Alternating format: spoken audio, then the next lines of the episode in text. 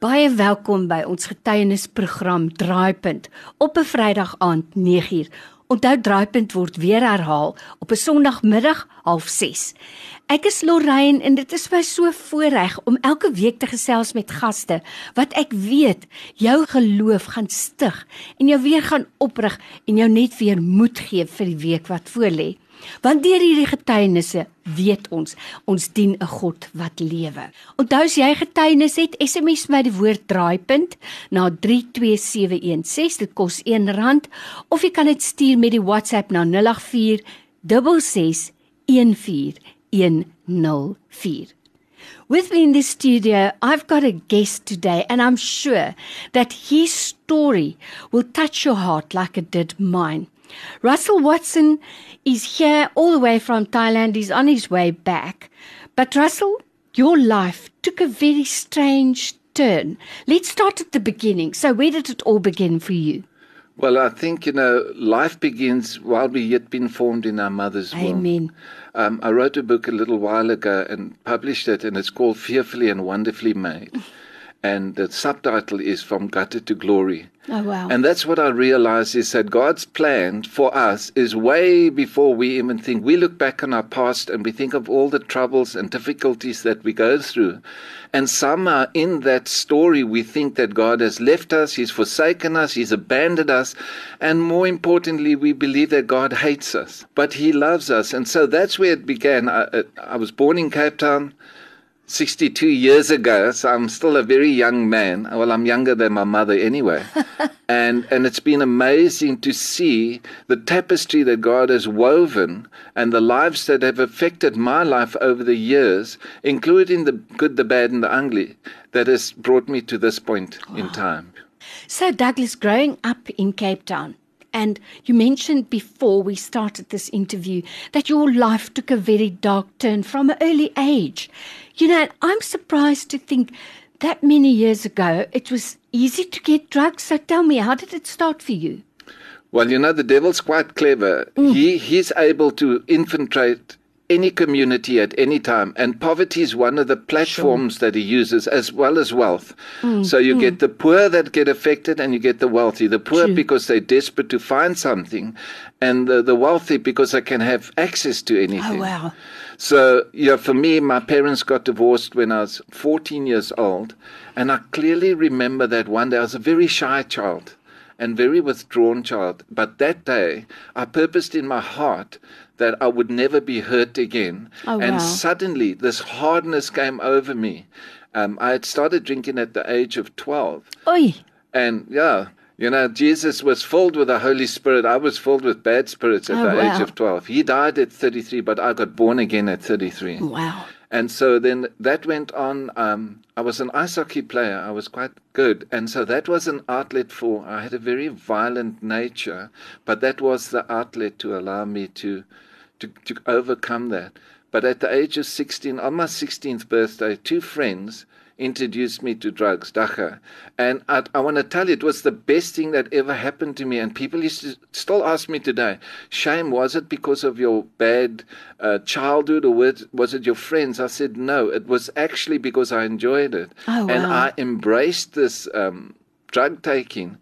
And all the while, the enemy was planning for my demise and my death. You know, Russell, I think it's so important that we talk about these things openly because it starts off as being very enjoyable. Absolutely. But the price that you pay accumulates over time and affects your health. So, how did it crystallize for you? Well, you used the word crystallize, so I'm going to tell you. So, straight away, when people, I, I minister to drug addicts all the time, and when they start this thing about, you know, but my parents and but my mother, I say to them, just be honest. You did it. Nobody forced you. You did it because you True. liked it. Uh, you mentioned the word crystallize. So, in 1981, my lungs had actually crystallized from using buttons, or uh, as it's more commonly known, but it's actually Mandrax. And uh, I was told by the doctors that I wouldn't live because I was Wow. I dropped down to 70 kilos. I'm 18727, which is quite tall. So to say I was thin, yeah. You must have been emaciated for your length, 70 kilos. It was ridiculous. I had a size 28 waist. Oh, wow. And and again, you know, you look at size 28, it's tiny. And um, funny enough, when uh, when I was in 50 plus, I went for the normal medical checkup, and the doctor went through, Dr. Ellis went through everything. And he says to me, I can't understand. All my reports show that your internal organs is that of a 16 year old. Wow. So God had regenerated every one of my organs. My lungs are perfect, my liver, my kidneys, everything. And I said to the doctor, I said, You don't understand about my past. And you know, the Bible says, Behold, old things have passed away. I make all, All things, things new. new. You hmm. are a new creation. So for me over the years, the Bible's been the the start and the end for everything I do. If it's written in the Bible, I believe it. And so many people have criticized me and said, you know, your problem is you're just too naive. And I said, but I don't understand what you say. And they said, you can't believe everything that's written in the Bible. So I want to change that. I want to tell the listeners there, everything that's written in the Bible is the absolute truth. And Amen. if you walk in that absolute truth, whether the person's sick, dying, diseased, broken, it doesn't matter. If you take the truth of the Bible and you speak into that person's life on the truth, they will be free. My guest today is Russell Watson, and we're talking about being regenerated, being made new. So, where did the turning point come for you? Well, um, yeah, everything had kind of degenerated. My business failed. My wife had spinal surgery. Um, the banks came and took the house Oh, away. wow. They took my car away, cut electricity, cut the water. The dog bit the neighbor on their Oh, pro- my word. You, and you know, just when you think, well, I've reached rock bottom, nothing more can go wrong, my wife filed for divorce. Oh, wow. And so it was- it was a Wednesday evening, and I was alone in the dark, sitting in the house. And I ran outside, and I found a gentleman walking past. I asked him for some matches. I lit a candle. I turned the mirrors towards the candle, and I took this Bible that I had carried around for 33 years. I had gone to Catholic school, so part of your armament was your rosary, a cross, and the Bible that I had never read in all those years. And I just opened the Bible. I don't remember the scripture. And I said to God, if you are real, show me who you are. Oh, wow. And then that Sunday morning, I got invited to this picnic. And I say it in inverted commas. But at that place, there was a, a preacher, and his name was Dave Cape. And he was commonly known as the foot washer. And he did the altar call.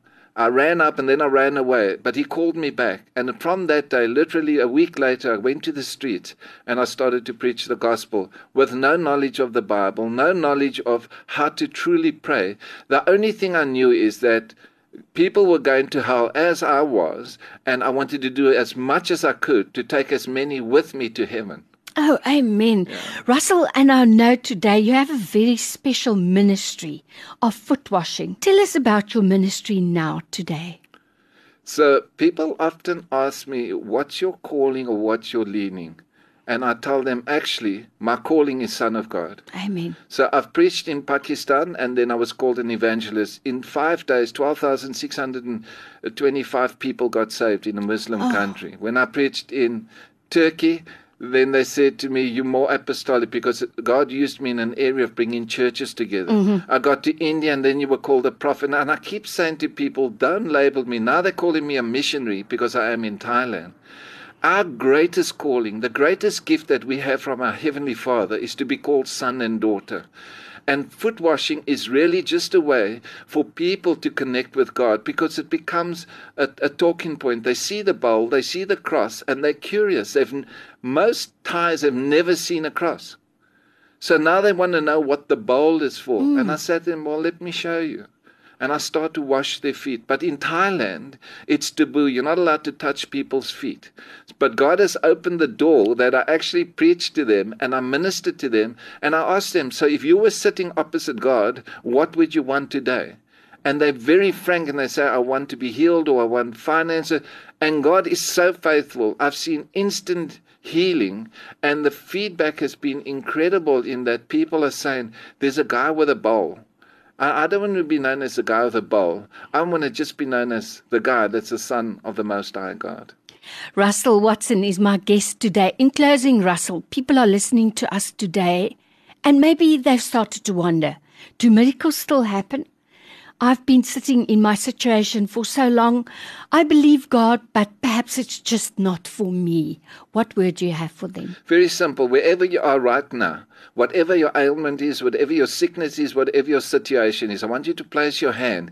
If if those out there are saying, "But I'm blind, I can't see," we prayed.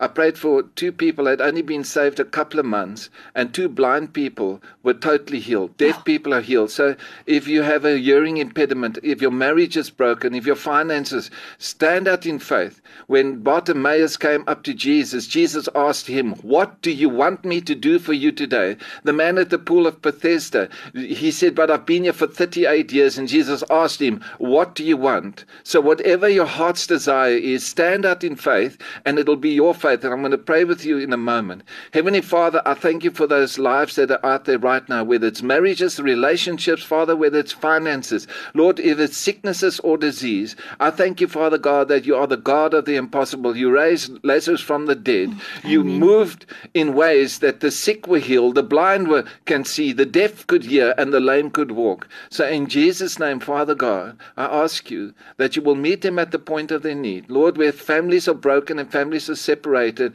and there are many lost, Lord, that they would cry out to you and say, Lord Jesus, come into my heart, be my Lord, be my master, and be my Savior. In Jesus' name we pray. Amen. Amen. Russell, what a powerful, powerful testimony. Some of our listeners are truly prayer warriors. I know that you're going to return to Thailand soon. So, what do you want us to pray for you for? So what I've done now, I took over this church, and we want to create a, a training center. So by faith, I've built two dormitories. And so we need 10 beds. We need 10 beds, 10 tables, 10 everything. And the idea is that we invite people over. We do an orientation. They go into the nation, make an impact in Thailand. And I'm on Koh Samui, so it's off the east coast of Thailand. And it's very practical. They'll come over. We'll provide accommodation. We'll provide transport for them. They impact the nations. They finish. They come back. They spend a few days that we'll debrief them. And we believe in that that will be a springboard to the mainland and the four cr- countries that surround Thailand and then into the Asian region. We believe in that God is going to do miracles in that area, but it takes people and it takes resources.